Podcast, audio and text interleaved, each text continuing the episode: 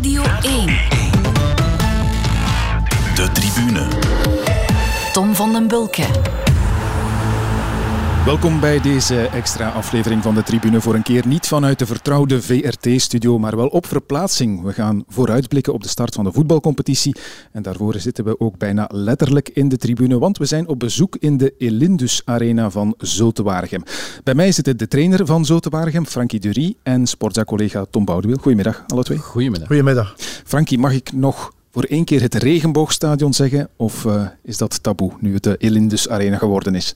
Wel, het is het regenboogpark. Aha. Waar dat het Elindus Arena een deel van uitmaakt. Ja. Op zijn Belgisch. Ja. Ben jij een romanticus? Hou je nog vast aan uh, ja, het regenboogstadion zoals je het al die jaren al gekend hebt? Maar ik heb de evolutie gezien. We zijn hier binnengekomen in uh, 2001.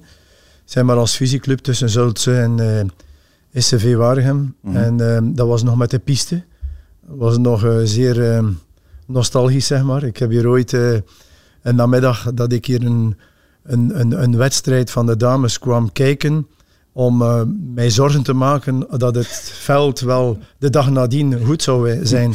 En ik kwam hier met mijn mountainbike rijden op, op de piste. Dus dat is eigenlijk puur nostalgisch. Vandaag is dat allemaal niet meer mogelijk. Ja. Het gaat goed met het veld, denk ik. Ik heb het daarnet uh, eens bekeken. Het ligt er goed bij. Hè? In vergelijking met vorig seizoen, dat was iets anders. Ja, verleden seizoen was, uh, was inderdaad niet leuk voor, uh, voor niemand. Um, corona had daar een beetje route in het eten gegooid. En met andere woorden, het was wachten. Gaan we nog tegen Standaard toen, de laatste match van de competitie. Gaat dit nog doorgaan of niet? En ehm, ja, de twijfel heeft onze parten gespeeld om dan uiteindelijk ja, zeg maar vele thuismatchen in de problemen te komen. En het zat natuurlijk op een bepaald moment in de hoofden van de spelers. Uh -huh. En dat is natuurlijk slecht. Ja, je hebt dit toen boos gemaakt, heb ik me laten vertellen. Well, ik heb in twintig jaar tijd heb ik me al veel boos gemaakt. Maar het is niet omdat je boos maakt dat je niet betrokken bent. Ik bedoel, mm. uh, ik vind boosheid is een, is een deel van betrokkenheid en kan soms ook een deel van een oplossing zijn. Ja. Gelukkig mochten jullie snel stoppen met de competitie. Dus er was veel tijd om het te Ja, ja inderdaad. Uh, maar dit is, ik heb al, al eens gezegd, deze competitieformat, daar moeten we, daar moeten we vanaf. Oké, okay, ik weet nu wel, dit seizoen is het ploegen tussen 9 en, en achteraan 16 gaan nu uh, ook een na-competitie kunnen spelen om uh, zeg maar de tv-helden in te vullen naar mm. positie. Maar wat verleden jaar gebeurde is in het jaar voordien, is uh, niet goed. Waarom? Omdat 50% van de ploegen, profploegen toch in België, die, uh, die hebben geen competitieformat meer. En dat is, uh, dat is niet goed. En dan, ik kijk naar verleden seizoen, hebben wij dan nog wat getraind. Corona, dat is een andere situatie. Maar dan train je in, in, in groepjes, maar ja, zonder doel. Ja. En dat is verkeerd. Straks nog uh, wat meer over dat competitieformat en over het beginnende voetbalseizoen natuurlijk, want vrijdag is het zowaar alweer zover. Maar laat ons misschien toch beginnen met het uh, actuele nieuws, dat van gisteren, van maandag, want Mark Brijs heeft als trainer van Oud-Heverlee Leuven de trofee Raymond Goethals gewonnen. Terechte winnaar voor jou, Tom? Goh, ik denk dat dat moeilijk is, omdat je met Leco en met Clement toch twee sterke kandidaten hebt. En omdat andere coaches het ook goed gedaan hebben. Maar als je mij vraagt, uh, is Mark Berijs een goede coach? Ja, dan denk ik dat dat zeker een goede coach is op zijn manier. Zoals Frankie, op zijn manier. En dat uh, siert de, de, coaches, dat ze op hun manier toch een bijdrage leveren aan, ja, aan het voetbal in België en aan het team. Want uiteindelijk zijn ze niet als kampioen naar uh, boven gekomen, maar heeft hij toch een sterk blok gemaakt van wat toch een uh, hele ruime kern was. Dus uh, ik gun het Mark Brijs zeker. Ja, Frankie, je hebt die trofee ook nog gewonnen. Hè? Weet je nog wanneer? 2013, 14? Ja, uiteraard. Het uh, jaar waarin jullie uh, vice-kampioen geworden zijn. Hè. Dat was uh, het jaar waarin jij de trofee Raymond Goethals won. En je won in die tijd ook de Guy Thijs Award, want die was er ook. Um, weet je nog door wie je toen werd uitgeroepen als winnaar? Nee. Vast niet. We gaan eens luisteren. De trainer van het jaar, de winnaar van de Guy Thijs Award 2013, Frankie Duy. Het is een erkenning, het is een punt. Ik, uh, ik, probeer ook naar mijn team toe mee te geven dat ik een schakel ben in het geheel. Als ik morgens op de club toekom en ik zie al mijn medewerkers, dan ben ik gelukkig. Dank u wel. Ja, voilà. Je hebt hem herkend hè, ondertussen. Tom, Tom Boudeweel, jij was er toen ook al bij. Uh, ja, en misschien ga ik nu een uh, groot geheim verklappen. Ik ben eigenlijk altijd, ik ga niet zeggen de sterke man, maar toch een van de mannen, en er was ook een vrouw bij, um, van de BFC Pro geweest. De Belgian voetbalcoaches, de professionele versie dan. Um, jammer genoeg ja, is dat een stille dood gestorven, Frankie? Was er ook heel nauw bij betrokken. Het was eigenlijk het uh, geesteskind van Jan van Winkel, nu bij Sheffield en bij Beerschot. Maar jammer genoeg, en ik zou dat heel graag nog oppikken, ehm, dat er een trainersvereniging is voor de Belgische coaches. Want als je ziet waar de Nederlandse coaches dit seizoen weer overal gaan of terechtgekomen zijn, ja, dan vreet dat toch aan mij. Zeker als je weet, ja, in Nederland zijn ze bijna op alles voor, dat daar toch twee, drie mensen fulltime werken voor de trainersvereniging. Dan vind ik het super jammer dat er geen trainersvereniging is in uh, België. En het zegt ook veel over de Belgische coaches. Denk ik. Ja, want die Guy Thijs Award die was uh, daaraan verbonden. Ja, die... die... bestaat ondertussen niet meer, denk ik. Ah, nee, BFC Pro bestaat niet meer. Uh, wij wilden iets doen en Daarna is uh, die andere uh, trofee ook gekomen, de, de Raymond Goethals uh, trofee. Ja. Um, dus wij wilden ook iets doen voor de Belgische coaches. Om, en dat is eigenlijk hetzelfde scenario. Wie lijkt het best op Guy Thijs? Wie ja, kan zich het best vereenzelvigen met uh, Guy Thijs? het was een idee van Jan van Winkel. En Michel Prudhomme heeft die onder andere gewonnen. En Frankie ook. Dus inderdaad. Voilà. Um, ja, het zal vrij uniek zijn dan, hè, want zoveel uh, Guy Thijs Awards zullen er uiteindelijk niet uitgerekend, uitgereikt Ik denk dat. Michel Perdomo nog altijd... Nee, nee, ik heb hem gegeven aan... Later heb ik hem uh, gegeven aan Michel Perdomo. Mazou heeft hem ook nog gewonnen. Ja. Los daarvan, jullie kennen elkaar al lang, hè, Frankie en Tom? Toen we nog jong en knap waren. Heel lang, ja, ja. inderdaad. Gaat dat ook al twintig uh, jaar terug in de tijd? Want zo lang loop je hier ongeveer rond, zeker, in uh, Waregem? Inderdaad. Ik uh, werkte, of ja, naast het werk bij de radio, want ik ben er al 25 jaar, um, zat ik ook op de regionale tv en zo. Dat is het grote voordeel van de regionale tv. Mhm. Je leert uh, heel veel mensen kennen die nog niet bekend zijn, als het ware. Um, en Frankie Dury, ja, die heeft uh, naam gemaakt bij een aantal clubs hier in de omgeving. Ronse, Hernes Gent en ja, het Zultse VV. Uh, dus waar je toch een aantal keer kampioen bent uh, geworden. was een fantastische periode in het groen-geel. Ja, ik ben daar uh, twee keer drie seizoenen geweest. En het waren allemaal mooie momenten van, van eindrondes, van, van kampioen spelen. En ik herinner mij het laatste jaar voor de fusie. speelden wij ook de na-competitie. En wij zaten in de finale tegen uh, Vizé.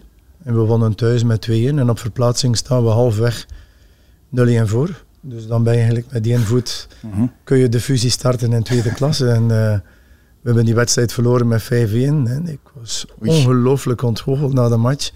Maar mijn voorzitter zei mij toen, uh, niet erg, uh, het is goed dat we de fusie kunnen starten in derde.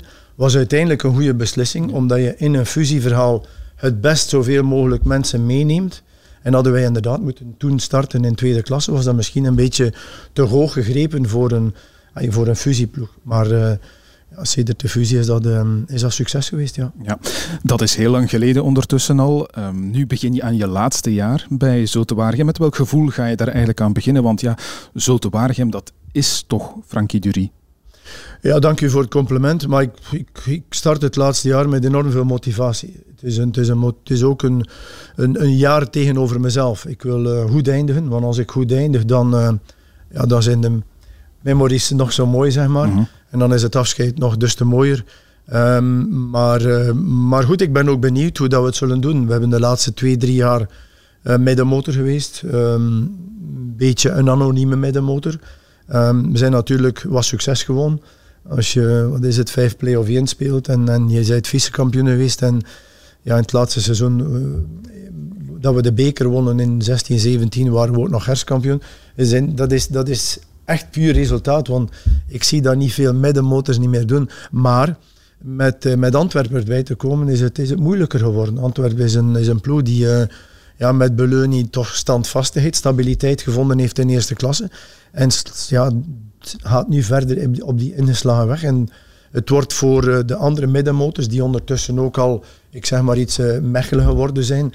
Sint-Truiden is er ook al een keer dichtbij geweest. Um, ja, misschien nog andere, noem maar op wordt het, wordt het moeilijker en moeilijker. Als je het misschien een beetje kritischer zou bekijken, Tom, zou je misschien ook wel de vraag kunnen stellen van is het een goed idee om een coach te laten beginnen aan zijn laatste jaar in de wetenschap dat al de spelers dat ook weten, dat hij er volgend jaar niet meer is? Ja, maar ik, er zijn misschien afspraken gemaakt, dat weet ik niet. Ehm, dat kan Frankie misschien vertellen, maar ik denk, ze hebben twee jonge trainers naast Frankie gezet die, ik denk, vorig seizoen heel veel hebben bijgeleerd, die de juiste stappen aan het maken zijn. Ik denk dat Timmy heeft ervaring opgedaan bij de jeugd van Club Brugge, weet waar zijn eindpunt ligt. En dat is niet een 2 achter de T, maar een 1 achter de T. Ik denk dat de mogelijkheid is dat, dus noods alle twee, dat Davy, eh, De Vouw en Timmy doorgroeien naar T1, ja, dan zijn ze nog wel altijd bij de club. En dan kunnen de spelers het zich niet permitteren om eventjes uh, ja, voilà. Dus de opvolger loopt hier al rond, mogen we dat zeggen? ja. Zonder hem bij naam al te noemen, of het nu Simons of de Vouw wordt. eerst en vooral, ik hoop het. Ik bedoel, maar ik, om, om op uw eerste vraag te antwoorden het is ook niet zo moeilijk. Inderdaad, iedereen weet nu in België dat, dat het mijn laatste seizoen is op Zoutewaregem. Maar is dat een nadeel? Ik vind van niet. Er zijn zoveel trainers die contracten onbepaalde duur hebben. Bij hun kunnen, kunnen het morgen gedaan zijn, bij mm. manier van spreken. Er zijn ook een, paar coaches die, eh, die, die, die, die in de situatie zitten zoals mij, dat het volgend seizoen gedaan is. Dus dat is eigenlijk voor mij a priori geen nadeel 2. Uh, eh, mijn opvolger, kijk, ik heb ehm, uh, Timmy en Davy mm, met hun leren werken verleden seizoen. Dat is zeer goed verlopen.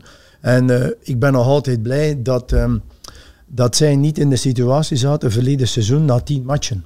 Want na tien matchen stonden we op de 17e plaats en hadden wij 7 op 30.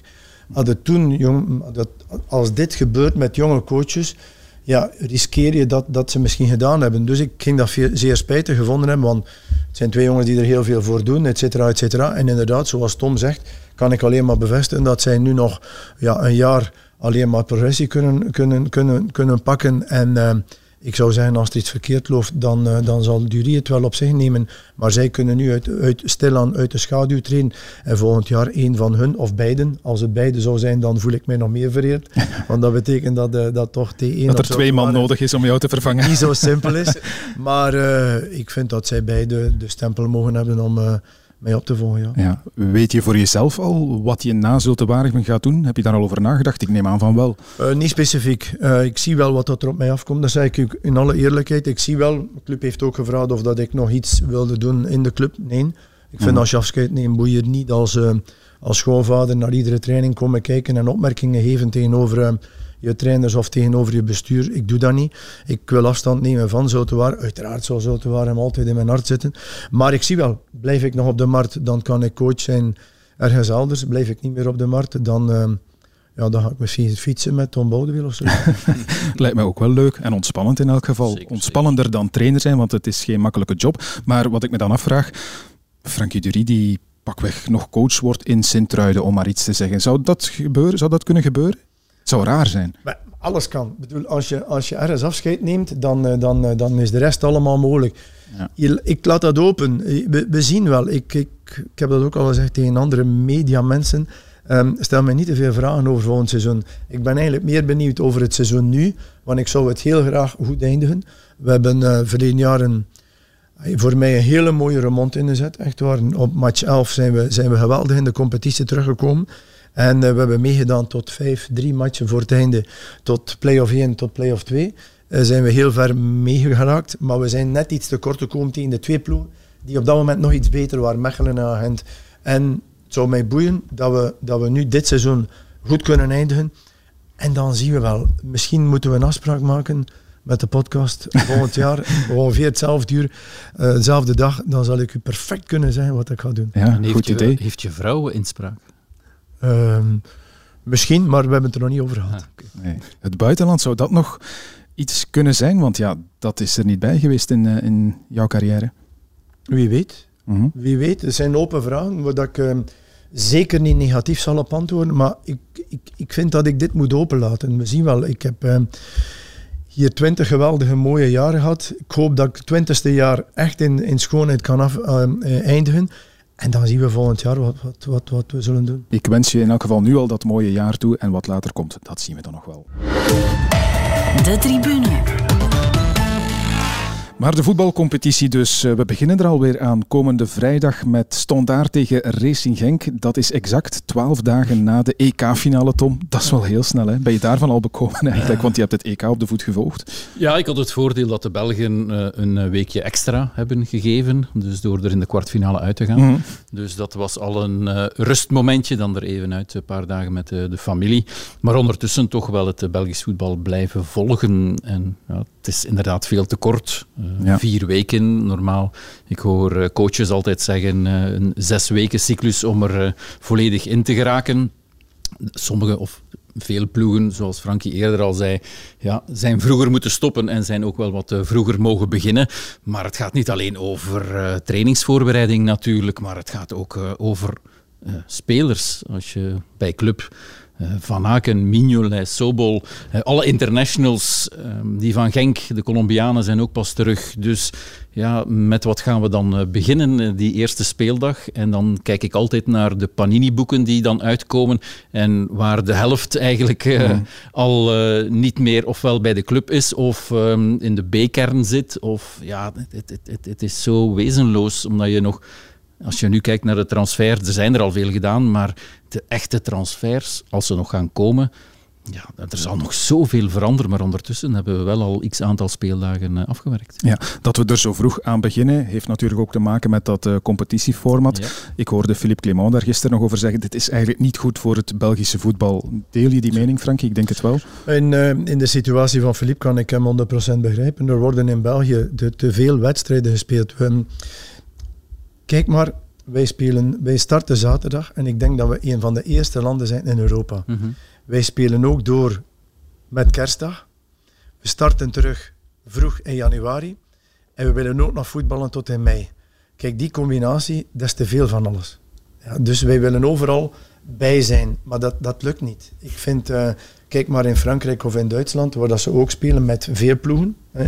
Wordt de competitie later gestart, is dat maar één of twee weken. Maar het gaat over um, um, een, een, een, keer het hoofd wat, wat vrijmaken. Je ziet dat ook tussen kerstdag en nieuwjaar. Wij willen ons spiegelen, dan spiegelen we ons aan Engeland.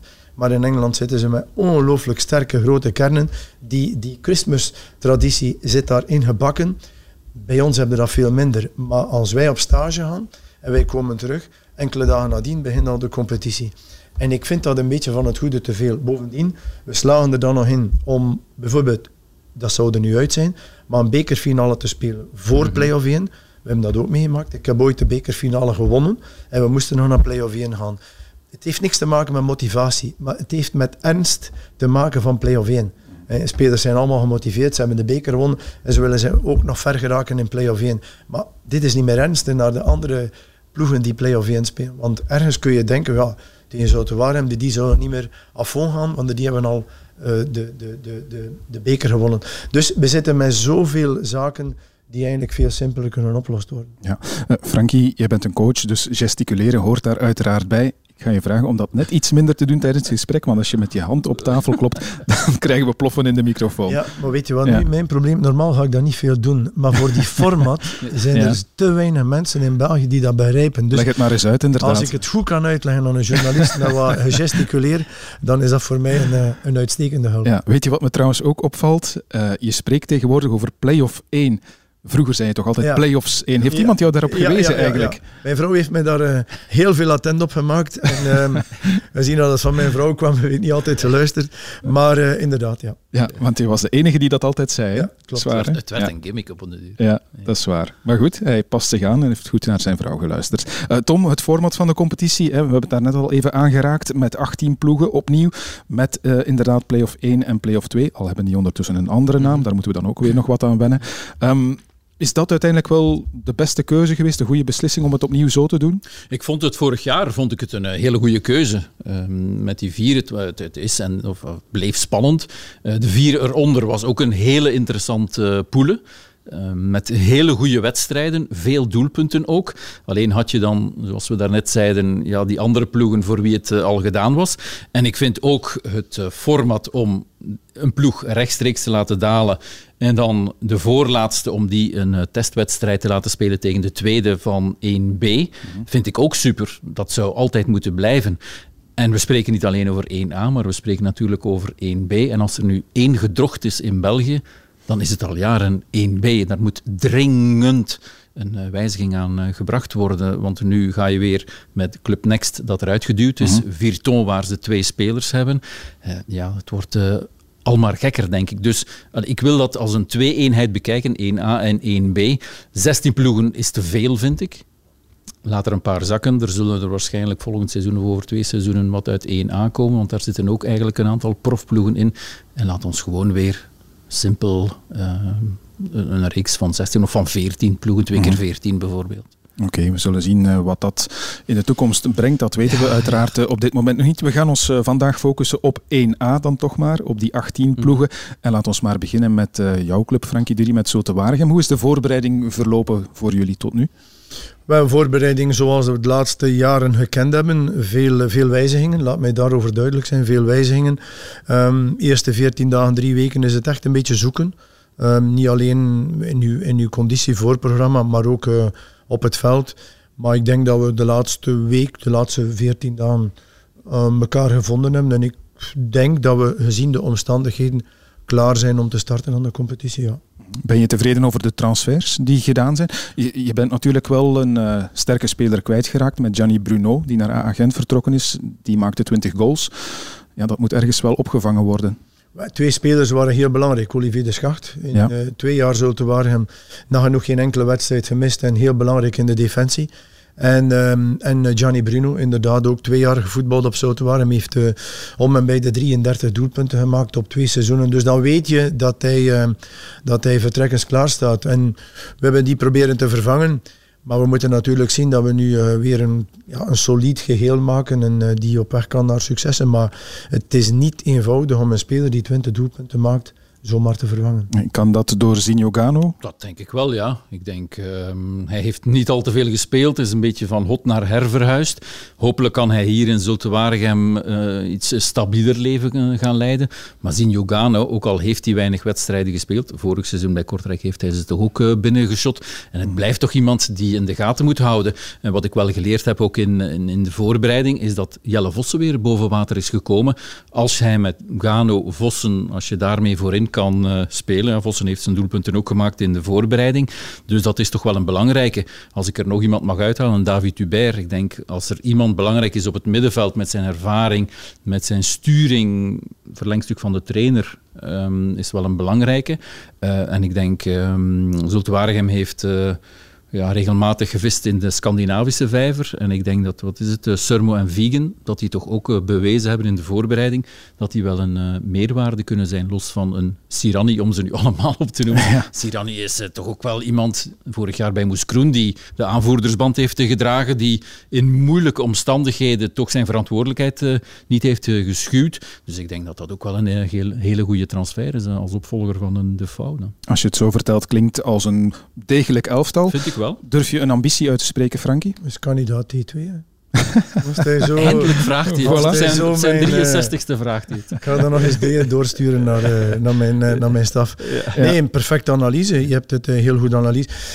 de, de plaats, ik, ik, ik blijf wat ik dat juist gezegd heb. Het wordt weer, ik denk de toppers gaan weer onderling uitvechten waar, wie dat op wat zal eindigen. En dan heb je inderdaad die subtoppers. Um, Uh, hopelijk zijn wij daar ook bij. Mechelen, je hebt verleden jaar de twee ploegen die gepromoveerd zijn, Beerschot en Nogagel, die toch lange strijd geleverd hebben voor die play-off 2 plaats. Um, altijd komt er daar iemand verrassend bij. Verleden jaar was dat Oostende, die het ook goed gedaan heeft. Dus als ik al die ploegen samen tel, ja, dan, dan zit je eigenlijk aan meer dan tien ploegen die, mm -hmm. uh, die moeten strijden voor play-off 1 of play-off 2. Dus dat worden, uh, dat worden nu wel. En de start wordt weer belangrijk hè? voor jullie nu op... Oudgever Leuven, dacht ik, komende zaterdag. Wij starten op Leuven en de week nadien hebben we staan daar. Dan hebben we de vierde match thuis hier club. Dus we hebben een, we hebben een, Stevig, pro, een ja. propere of een stevige start. Maar goed, we hebben het verleden jaar meegemaakt. We hadden onze, onze start was uh, niet goed. Uh, thuis verliezen tegen, uh, tegen Henk, wat dat we eigenlijk een goede match spelen. En dan ga je naar Beerschot. Niemand kende ze goed, maar we verloren wel met 3 in. Prachtig doelpunt, vrijschop van, van Holzhauser. En uh, ja, bon, match 3 en 4 winnen we. Maar toen hadden we een programma met Club, met Charleroi, met Antwerpen, met, met Standaard. Ja, en als je dan 1 op 12 hebt, dan, uh, ja, dan sluit je na 10 matchen op de voorlaatste plaats. Dus het is wel de challenge dat we dit jaar beter starten, zodoende dat we vanuit die comfortabele situatie kunnen meedoen voor een plaats. En ik vind dat dat altijd onze ambitie moet zijn in de linkerkolon. En dan zien we wel waar. Oké. Laten we dan maar eens uh, overschakelen naar de titelverdediger, Club Brugge. Net als vorig jaar, Tom, denk ik, opnieuw de uitgesproken titelfavoriet. Dat dit denk seizoen. ik wel. Dat denk ik wel, ook al hebben ze nog geen transfer gedaan. Nee. Maar ehm, als je Club en uh, Genk bekijkt, zijn dat denk ik de twee meest financieel gezondste clubs. Uh, zijn het ook de twee met de beste kern. Dus ik denk dat dat gewoon het uh, verschil gaat uh, maken. Oké. Okay. Um, dat er inderdaad nog geen transfers gebeurd zijn, dat uh, weet de trainer uiteraard ook. Hij heeft daar in de tribune maandagavond dit over gezegd. Nee, ik, ik maak me er helemaal niet ongerust over, omdat ja, dit is ook anders voor mij. Het is niet een club waar dat ik nieuw kom, waar dat ik niet weet hoe dat er gewerkt werd in het verleden. Ik weet dat de ambities bij Bart en Vincent even groot zijn als bij mezelf. En, en dat je afhankelijk bent van een transferperiode ja, van, van drie partijen en van het juiste moment. Het heeft ook geen zin om uh, miljoenen te gaan bijbetalen omdat spelers in een supercup zouden kunnen spelen bijvoorbeeld. Als club zijnde denk ik dat ook geen goed beleid is. En we weten dat ons Europees verhaal start uh, eind september, ja. begin oktober. Dus dat zijn allemaal factoren die ervoor zorgen dat we ja, iets later die markt opstappen.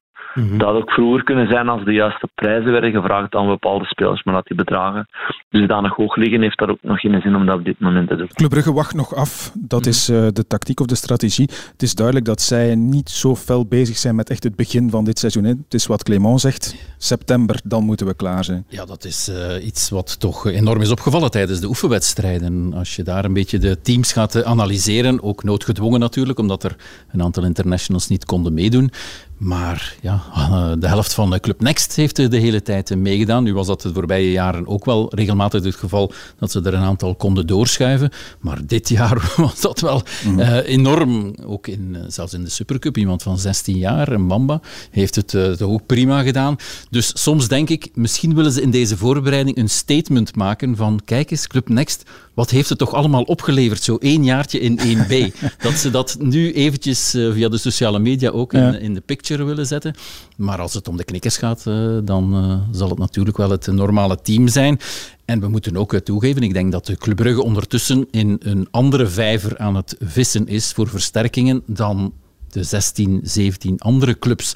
En dat je daar dan ook wel wat meer zal moeten voor betalen. En dat je daardoor ook niet te veel misstappen uh, mag veroorloven. Ik denk dat ze ook uh, heel op zoek zijn naar jonge talenten. Maar als de internationale markt nog niet op gang is gekomen door corona, vergeet dat zeker niet, door het EK.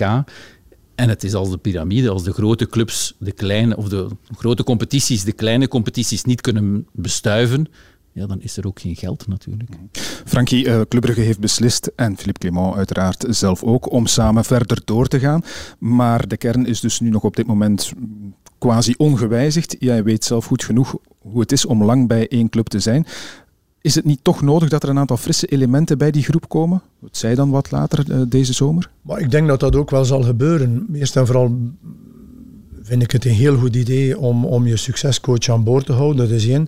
Twee, wij hebben er tegen gespeeld in de voorbereiding.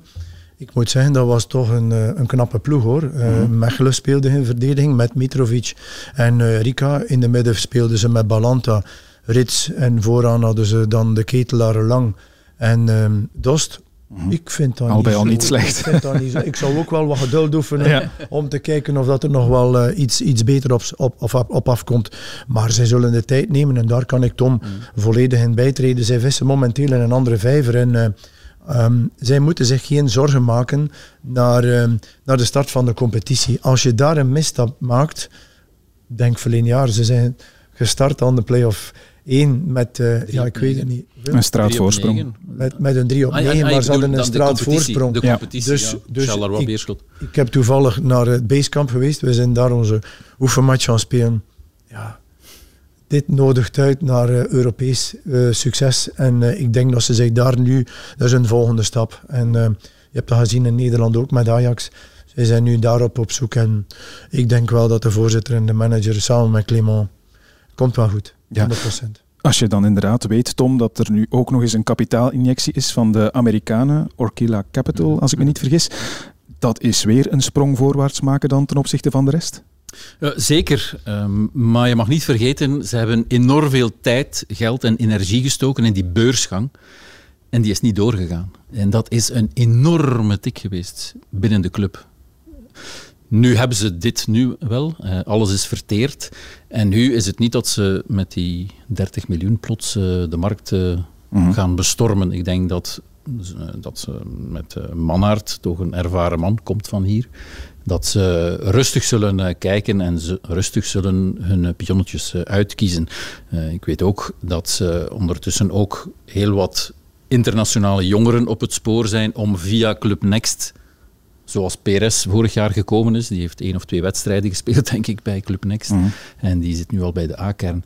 Dus ik denk dat ze die weg ook wel uh, opgaan. Ja, wordt Club Brugge echt een maat te groot voor België? Denk ik, uh, ik, denk het wel. Ik denk dat nu hun volgende stap zal het stadiondossier zijn. Als ze dit kunnen invullen, dan, uh, dan, dan zijn, ze zijn, ze compleet ja. weg. En ehm, ik zie momenteel misschien maar één ploeg in een spoor kunnen blijven als het al zou lukken dan uh, zal het misschien Antwerp zijn, maar uh, ik spreek van in spoor kunnen blijven. Ja, maar ja. Dat, dat, kan toch niet blijven duren? Nu heeft hij opnieuw een kapitaalsverhoging gedaan, uh, Gijsens. Ja, het is allemaal van dezelfde persoon dat het moet komen. Dat is toch te gek? Ja, ik begrijp, u, ik begrijp je opmerking, maar Club is ook zo begonnen. Als je mij mhm. begrijpt, Club is ook begonnen op een moment dat het allemaal niet goed uh, nee, liep. Nee, en, um, maar, ik, maar Verhagen heeft er nooit geld in gestoken. Nee, maar ik denk, ik ken meneer Gijzen niet goed. Ik ken hem niet. Maar ik, uh, het is een West-Vlaming, dus ik veronderstel dat er daar heel veel verstand in die man zijn hoofd zit. En uh, nee, ik ben daar 100% zeker van dat hij heel goed weet welk, aan, aan welk project dat hij momenteel uh, aan het werken is. En ehm, stel je maar eens voor dat die, dat, dat stadion er helemaal afgewerkt is en dat hij een ploeg kan achterlaten die competitief is voor ook Europees voetbal dan zal hij waarschijnlijk wel uh, heel veel kunnen cashen.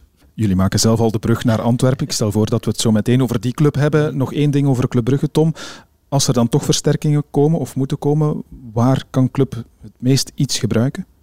Dat is een, een, moeilijke vraag. Maar ze hebben de voorbije jaren successen behaald op de flanken. Mm-hmm. Ze hebben daar heel wat uh, gecashed met de Izquierdo's van deze wereld bijvoorbeeld. Ik denk dat en Frankie is de coach, hij zal het ook wel weten. Daar ligt de ruimte. Daar ligt, als je een man kan uitschakelen in het huidige voetbal, ja, dan creëer je sowieso een overtal. En als je met goede flanken zit, ja, iedereen zoekt naar de spits die doelpunten maakt. Een Onuwachu, een Dost. Uh, iedereen zoekt daarnaar. Waar Anderlecht nu ook naar op zoek is. Ja.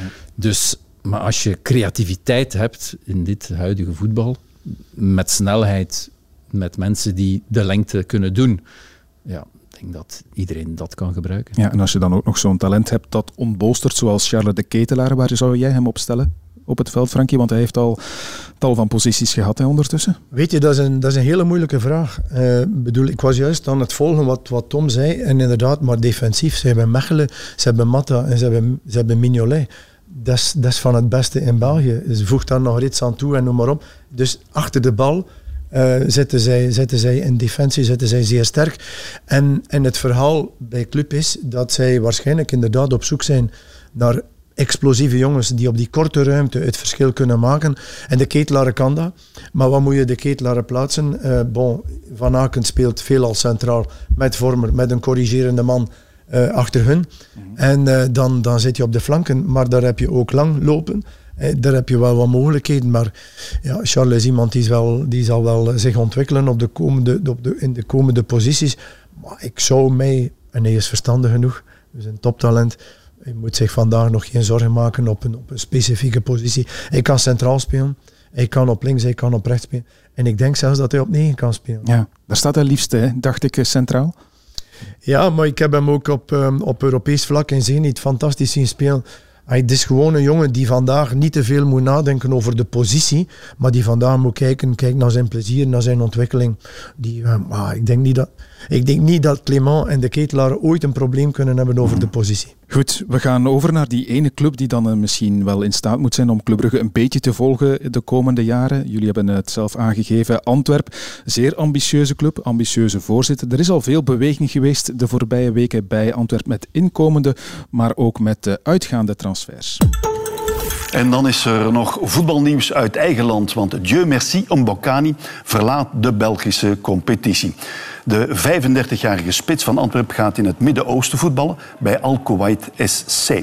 Mbokani was einde contract bij Antwerpen en de onderhandelingen over een nieuwe verbindenis leverden niets op. Hij werd ook genoemd bij Anderlecht, maar kiest dus voor een lucratiever avontuur. Vorig seizoen was de Congolees nog goed voor 14 goals in onze competitie. Een Bocani is weg, Tom. Mm Refailov is ook weg bij Antwerpen. Dat zijn toch twee belangrijke spelers geweest de voorbije seizoenen voor die club. Maar misschien doet Antwerpen het wel à la Patrick Lefevre, ook een West-Vlaming, Frankie. um, ze net op het goede moment laten gaan, ondanks hun verdiensten in het verleden. Ja, of nee. Ja, um, ik denk een Bocani wel. Ja. Omdat uh, vorig jaar had hij toch al een minder seizoen. Plus, je hebt hem ook in de kleedkamer. En dat is nu geen simpel peken in de kleedkamer. Van Rafaelov kan je zeggen dat is een gentleman. Um, maar ze hebben hun leeftijd tegen. En als je gaat voor een Brian Priske, en dan kom je bij de coach, die heeft een, een bepaald soort voetbal in zijn hoofd. En ik kan me voorstellen dat een Bocani en Rafaelov niet in het plan, in de visie van een uh, Priske zitten. Want als je naar de transfers kijkt van Antwerpen, en misschien is het ook wel een beetje een, eh, een statement, één Balikwisha in de strijd met Club Brugge, maar een statement ook van, kijk eens aan hoe vroeg wij transfers kunnen doen. Want er is voorlopig geen sportief directeur bij Antwerpen. Nee, wie doet daar die transfers? Vroeg af. Donofrio is weg. Ja, Sven ja. en de voorzitter. Dus Donofrio wachten altijd heel lang. En nu, ja, als je het lijstje bekijkt, wie ze allemaal al binnen hebben, ja, het huiswerk is uh, bij wijze van spreken gemaakt. En het zijn allemaal jongens, denk ik, die passen in de speelstijl van een Priske. Een Bataille van Oostende, ga maar. Een Vrij is ook iemand die kan uh, stormen. Um, je hebt dan ook nog een Balikwisha. Uh, dat soort mannen.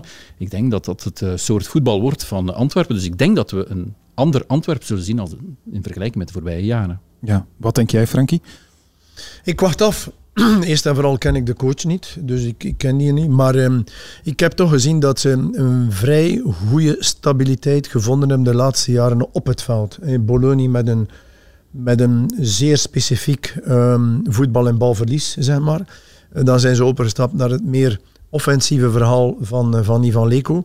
En uiteindelijk vind ik alle credits ook naar, naar Verkouteren, die daar toch die compromis gevonden heeft tussen club, supporters, Lamkelzee en de spelersgroep. En uiteindelijk, bon, Europees voetbal op een schitterende manier heeft afgedwongen.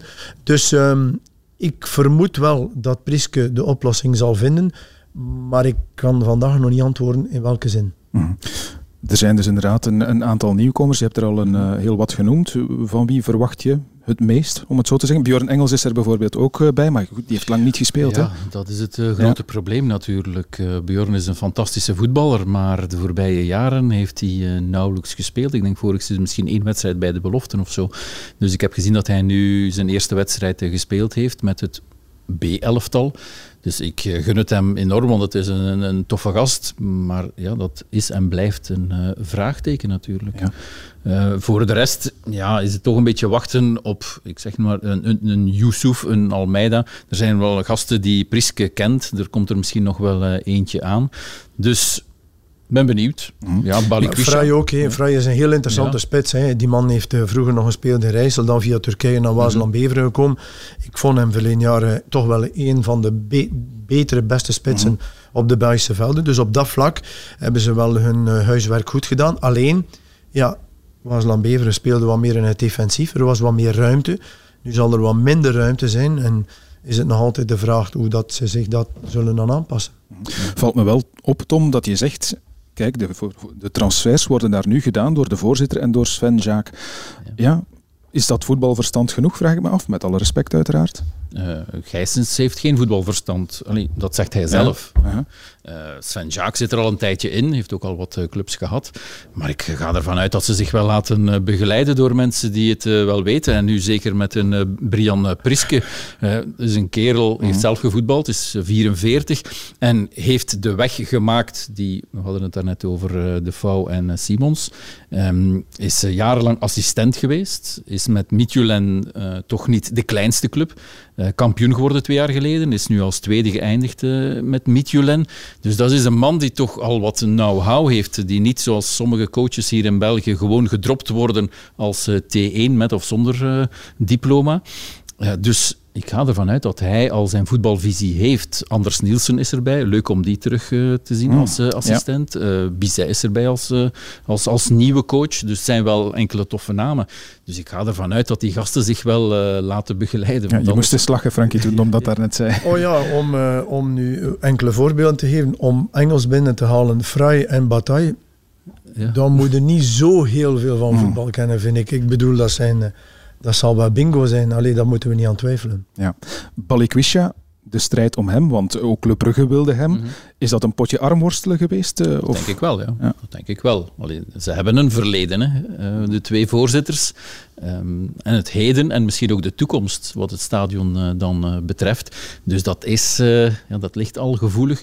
Dus want dat Balikwisha zegt, oké, bij Antwerpen ga ik meer kunnen spelen dat geloof ik graag, maar het juiste prijskaartje zal er toch ook bij moeten horen, denk ik dan. Het, is, uh, het was ideaal, denk ik, voor standaard dat uh, de twee even gingen ja. herworstelen. Dus, ja. dat is de sterkte van club, hè?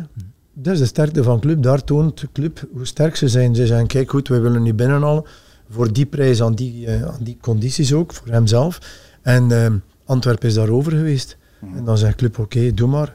Wij halen nog wel iets binnen aan die prijs. Dus dat is het, dat is het sterkte. En ik vind de chapeau voor Antwerpen dat ze dat ze dat wel met, eh, met club ook willen aangaan. Zeker, dus het kan alleen maar goed zijn voor de Belgische competitie. Ja. Zijn naam is al gevallen daarnet en uh, we moeten het er toch over hebben, want hij nee, blijft zo'n vreemde nee, vogel. Jawel Tom, want hij is het weer al bond aan het maken. Didier Lamkelzee. Ja. ja. Nee, ik, uh, ik, ik speel de bal dan eerst door naar Frankie. Wat doe je daarmee als coach met zo'n jongen? Want het is weer al Um, naar verluid gisteren ook in de kleedkamer tot een opstootje gekomen. Enfin, het is weer vertrokken, denk ik, met hem. Wat doe je daarmee als trainer? Ik zou een voorbeeld willen nemen op TK. Op TK heeft uh, Luis Enrique gekozen voor een, voor een team. En heeft hij gezegd, kijk goed, die en die speler nemen niet mee, maar we gaan spelers meenemen die 100% willen gaan voor het team. Ik denk dat dat vandaag de moderne coaching zal worden. Wij coaches zullen hoe langer hoe meer keuzes maken tussen de individuele talenten die zich willen schikken naar het team. En uh, niet meer omgekeerd. En um, die, die, gaan er, die gaan eruit gaan. En ik, uh, ik ben geen coach in Antwerpen. Ik, um, ik vind dat uh, Lamkelzee een, een goede speler is. Laat ons daar geen discussie over hebben. Daarom vertelde ik daarnet dat alle chapeau voor, voor het werk van Verkouten samen met de staf en eigenlijk ook het bestuur, want mm ze hebben daar met de supporters de goede oplossingen voor gevonden om met Lamkelzee nog een hoog rendement te hebben dit jaar. Ja. Kijk, ofwel is dat nog eens mogelijk en kan hij blijven voor mij, no problem. Maar als je voortdurend in de problemen gaat en er zijn dan eens wat minder resultaten, ja, dan is het de eerste bom die barst. Ja, hij zit nu weer al in de bijkern, dus ik neem aan dan dat Antwerpen er ook van af wil. Stel, hè, puur hypothetisch, Lamkelzee kan naar Zotewaregem komen en wil dat ook. Wil je hem? Je hebt, een, uh, hebt het zelf gezegd, het is een puur hypothetische vraag. Mm. Dus ik ga er vandaag nog niet op antwoorden. Je hoeft er misschien ook je hoofd niet over te breken, want het zal wellicht niet zo te worden ik, voor hem. Ik, ik begrijp je vraag, hè, maar, maar ik, ik kan daar niet op antwoorden. Ik bedoel, dit, dit, is, dit is een goede speler. Als je spreekt over de normen van Zoute is dat, is dat een goede speler. Maar ik denk dat als hij al zou komen, laat, mij zo, laat het mij zo ervan afgeraken, dat een, uh, hele goede en belangrijke gesprek zou, zou noodzakelijk zijn. dat denk ik ook wel. Goed, we blijven bij de uitdagers van Club Brugge en uh, over dan naar Racing Genk, de bekerwinnaar en de runner-up van vorig seizoen. De Supercup natuurlijk wel net geklopt door Club, maar is dat een wedstrijd die we gaan meetellen, Tom? Want uiteindelijk Beide je hoorde ook Philippe Clement, die vond het zelf helemaal niet belangrijk. Nee, beide teams uh, hadden uh, te veel afwezigen. Nu ja, drie, vier afwezigen. Dus ik denk dat beide teams nog een beetje aan het opbouwen zijn. Genk zal wel iets sneller moeten klaar zijn natuurlijk als ze tegen Shakhtar willen doorgaan naar de volgende ronde in die voorronde van de Champions League. Mm -hmm. Maar zoals ik al zei, Club en Genk zijn de beste teams. En vooral, ze hebben nog geen speler verloren. Dus ze kunnen voortborduren op hetgeen er vorig eh, seizoen al stond. En Van der Brom heeft toch getoond, zeker in de play-offs, dat ze een eh, heel goed team hebben. Plus, ze hebben een aantal jongens eh, erbij gehaald. Um, die toch wel een meerwaarde kunnen zijn. Dat heeft die Mike Tresor heeft, uh, al in een paar flitsen getoond in zijn ja, eerste wedstrijd, wedstrijden mm -hmm. voor Racing Genk. En uh, die Eiting van uh, Ajax die kan ook wel goed voetballen. Dus ik denk dat ze, en dat moet je de Condé toch nageven, dat ze daar al jaren heel goed aan het werken zijn. Zeker. En verloren of niet in de Supercup. Um, van den Brom, John van den Brom zei achteraf van kijk, wij zijn sowieso klaar om tegen eender wie te spelen. We weten dat we tot, uh, tot de kerst sowieso Europees uh, actief zijn. Dus we weten ook dat we daardoor um, ja, een heel uh, ja, pittig programma, maar wel een heel mooi programma.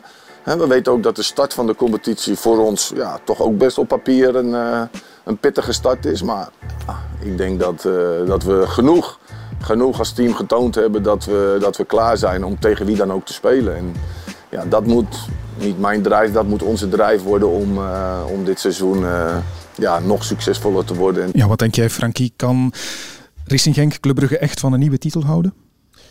Kijk, ik denk het niet, maar het zal veel zal afhangen van wat vooraan gebeurt. Ito is top, Bongonda is top en Otomono is ook top.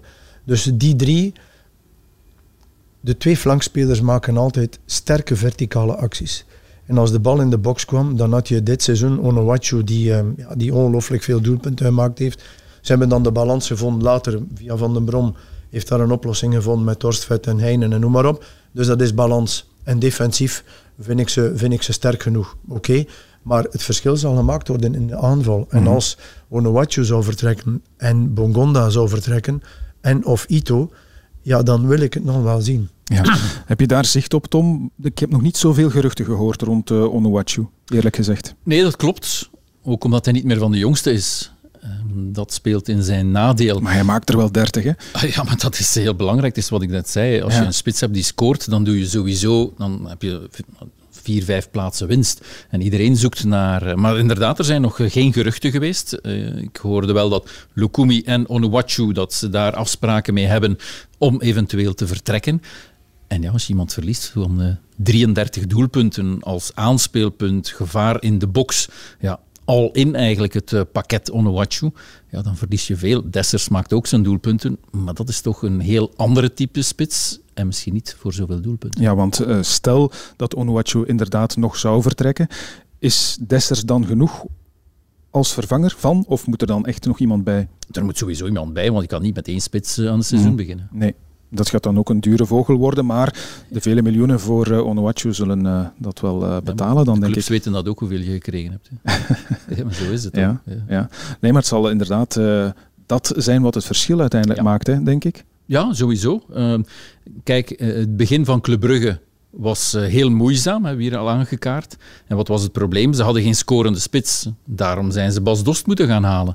En die is begonnen met, wat was het, zes, zeven wedstrijden op een rij dat hij een doelpunt heeft gemaakt. Is daarna ook wel weggevallen, misschien mm -hmm. door het feit dat hij ook uh, niet veel meer gespeeld had voor hij naar Club Brugge kwam.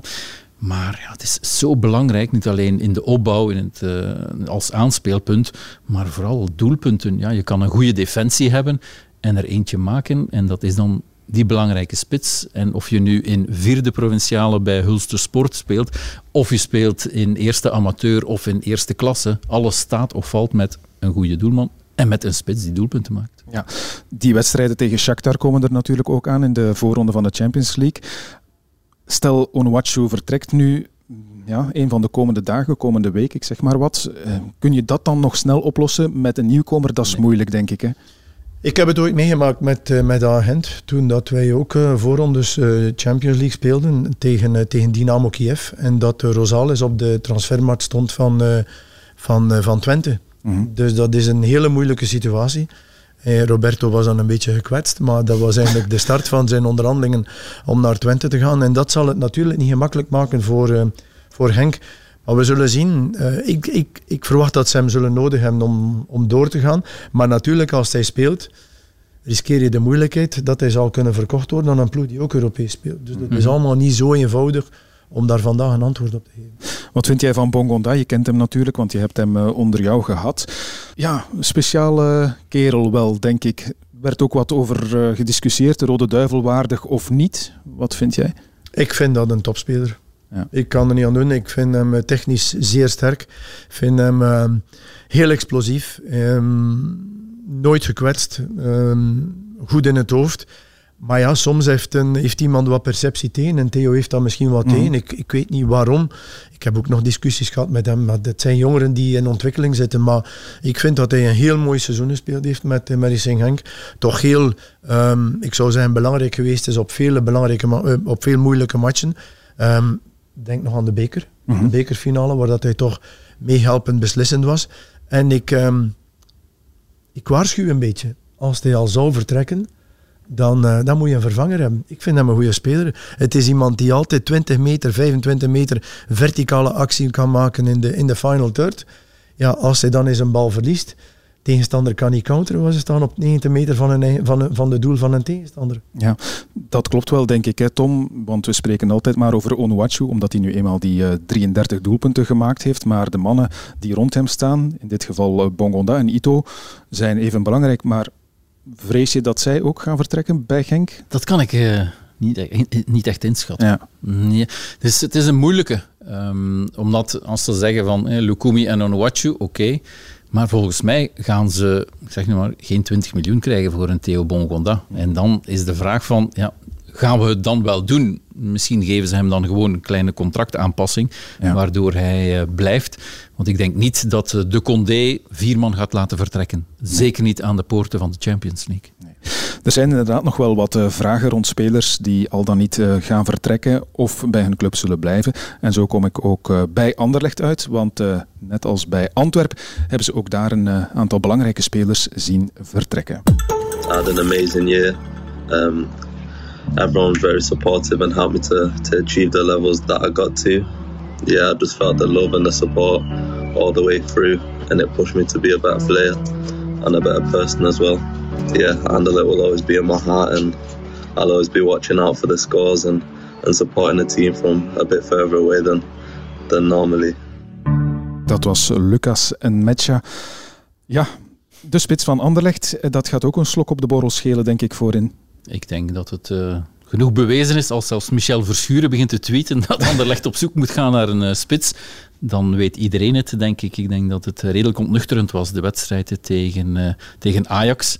En dat Peter Verbeke nu dringend de markt moet opgaan om een diepe spits te hebben. Metja, je moet eerlijk zijn, was een gok want de voorbije jaren heeft hij geen deuk in een pakje boter getrapt qua, qua doelpunten. Maar uiteindelijk mogen ze in Paarswit hem bedanken op de blote knietjes. Mhm. Dat hij er was met zijn doelpunten, met zijn uh, bewegingen, met zijn rug naar de goal. Eigenlijk uh, heeft hij Anderlecht Europa ingetrapt. Zou je durven vergelijken, Frankie, wat uh, Onuachu is voor Racing Genk is, was een matcha voor Anderlecht? Ja, ik, uh, het is een hele sterke spits in alle zijn facetten. Het is iemand die uh, op heel veel verschillende manieren beslissend kon zijn. Ik vind dat altijd boeiend. Ik heb dat verleden jaar ook gemaakt met, uh, of gezien met Gianni Bruno bij ons. Als ik een analyse maakte van zijn 20 doelpunten, dat waren echt 20 zeer knappe, diverse goals. Ik heb dat ook gezien bij een matcha. Um, daar waar dat Onuachu meer puur de boksman is, de afwerker is, zag je toch bij een match enorm veel werkkracht, ook buiten de box. Iemand die, die sterk de één op één kon, kon, kon halen buiten de box en uh, ja, toch, wel, toch wel beslissend was. Ja. Wat is er uh, vervelender voor Anderlecht, het vertrek van match of dat van Sambilo Conga? Onderschat natuurlijk dat, uh, dat verlies niet van het voetballende vermogen. Ik ga mij goed uitdrukken van het voetballende vermogen in het middenveld. Ik vond die Lokonga toch wel heel sterk hoor. Ik bedoel, ik, eh, wij hebben hem ook nog gevolgd toen dat hij nog heel jong was. 18, 9, enfin, 17, 18 jaar. Toen dat we nog een beetje droomden dat we een jonge speler... Ja, maar ja, ja, ja tuurlijk. Zo, zo is het. Zo, moet zo moeten wij wel uh, jonge spelers kunnen proberen binnen te halen. Maar dat is echt, uh, echt heel sterk. En dat was de periode dat wij Doumbia binnengehaald hebben, die nu in mhm. Lissabon speelt. Um, zeiden ze toen tegen ons, um, ja, maar het speelt er nog een en ander legt. Die is nog beter en effectief. Uh, onderschat het vooral niet. Hè. Vooral ook met het verdwijnen van, van Trebel. En we kunnen er allemaal heel, heel snel over gaan. Maar ik heb toch verleden jaar, in de periode dat Trebel in het team kwam, heb ik toch die drive gezien met enerzijds dat voetballend vermogen van Lokonga en anderzijds dat af en toe een keer uh, de puntjes op de i plaatsen van mhm. Trebel. Ja, ik vond dat zij daar een mooi evenwicht hadden. We hebben al een aantal discussies gehad met vrienden over Sambi Lokonga naar Arsenal. Ik vind dat een rare keuze eigenlijk, naar de Premier League. Ik had hem verwacht in, in Spanje, waar hij als passeur beter tot zijn recht gaat komen. Nu komt hij in een ploeg ja, die toch al een paar jaar aan het uh, zoeken is. Want is, is Lukonga, want jij bent duidelijk een, een grote fan, is hij echt zo beslissend? Of, of ja, ik weet het niet. Wat dat er kan gebeuren, Tom, en dat vergeten we soms, dat um, hij heeft het teken voor vijf jaar, heb ik gezien. Mm. Klopt. Hè? Zij gaan hem misschien niet nu de komende zes maanden bekijken hoe dat hij kan ingepast worden in de kern, in het team, in whatever dan ook. Want ik zie ook die jongen vandaag morgen niet uitblinken bij, bij Arsenal. En dan zien ze wel. Mhm. Dus nooit, uh, bon, lenen ze hem uit aan, uh, aan Aston Villa of dergelijke. En uh, een trapje gewoon, een trapje lager of whatever. En zien ze wel hoe dat hij zich ontwikkelt. Wie weet gaat hij misschien naar de Ligue 1. Naar de Ligue 1, waar dat hij zich kan ontwikkelen bij een middenmotor. you never know. Kijk, kijk naar Doku, die erin toch, toch een geweldige ontwikkeling gekend heeft. Dus ik verwacht eerder zoiets dan dat ze zich direct zullen verwachten dat hij zal spelen. Ja, dat zou wel eens kunnen. Waar ik naartoe wilde, Tom, omdat Frankie de naam riet vallen van Adrien Trebel. Wat voor een verhaal is dat toch met die Trebel? Elk seizoen gaat hij wel eens op en af naar de B-kern, dan weer A-kern. Nu zit hij weer in de B-kern dat blijft maar duren. En zijn contract, zag ik, loopt nog tot 2023 nog altijd. Hè? Ja, dat contract van 3 miljoen per jaar. Ja, het is uh, heel bizar. Um, ja, het is zoals je zegt, meer kan ik er ook niet over uh, maar zeggen. sportief heeft hij wel degelijk nog zijn waarde. Want je kunt spelers hebben die, ja, die er bij wijze van spreken niks meer van terechtbrengen op het uh, veld. Maar als hij ertussen stond, zoals Frankie zei, had je wel het gevoel van oké, okay, daar staat wel iemand. Ja, Anderlecht heeft een lange tijd niet verloren elke keer Trebel in, in, de, in de basis stond. Ja, maar dat, dat vond ik vorig jaar een beetje het verhaal, zeker in het begin van Vincent Company. Er zijn zoveel jongens gekomen, weer naar de tribune. Trebel is ook gekomen, weer weg. Um, ja, ik, en nu is hij zogezegd niet fit genoeg. Dat is, ja, nee, dat is de uitleg. de B-kern, dus ja, ik weet het ook niet. Ik, ben, ik weet niet genoeg hoe de relatie Trebel-Company is. Um, ja, de relatie uh, Bayat weet ik ook niet. Uh, nee, ik weet het niet. Ja. Tribel B-kern, Sambi Lokonga en een Metja vertrokken. Er is natuurlijk daar tegenover wel wat bijgekomen. Wesley Hoed. Mag ik nog? Miasga ja. weg. Miasga, uitleenbeurt afgelopen. Dat inderdaad. is de hele centrale as. Ja. ja. Maar die gaat dan vervangen worden door de man die ik net noemde, Wesley Hoed. En dat is toch echt wel een, eh, een knappe transfer die Anderlecht gedaan heeft. Nee? Vind ik wel, ja. Dat ze die kunnen halen, sowieso met hun uh, beperkte middelen. En hij is niet alleen natuurlijk. De vraag is het een goede transfer of niet. Benito Raman is toch ook uh, geen uh, simpele transfer. Mm. Refaelov. Dus het is wel een beetje gekeerd, vind ik, deze transferperiode.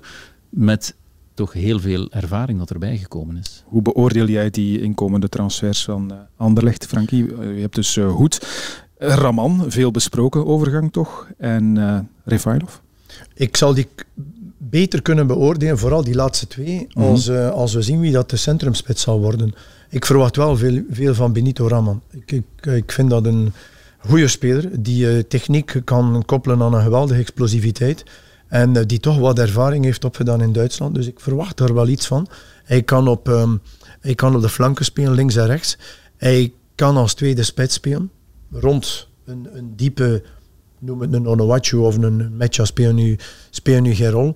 Um, Refailov, daar houdt iedereen van. Mm kun je niet nooit tegen zijn. Dat is de man die tussen de linies zorgt voor uh, het verdelen van het spel, het tempo van het spel en de goede passes.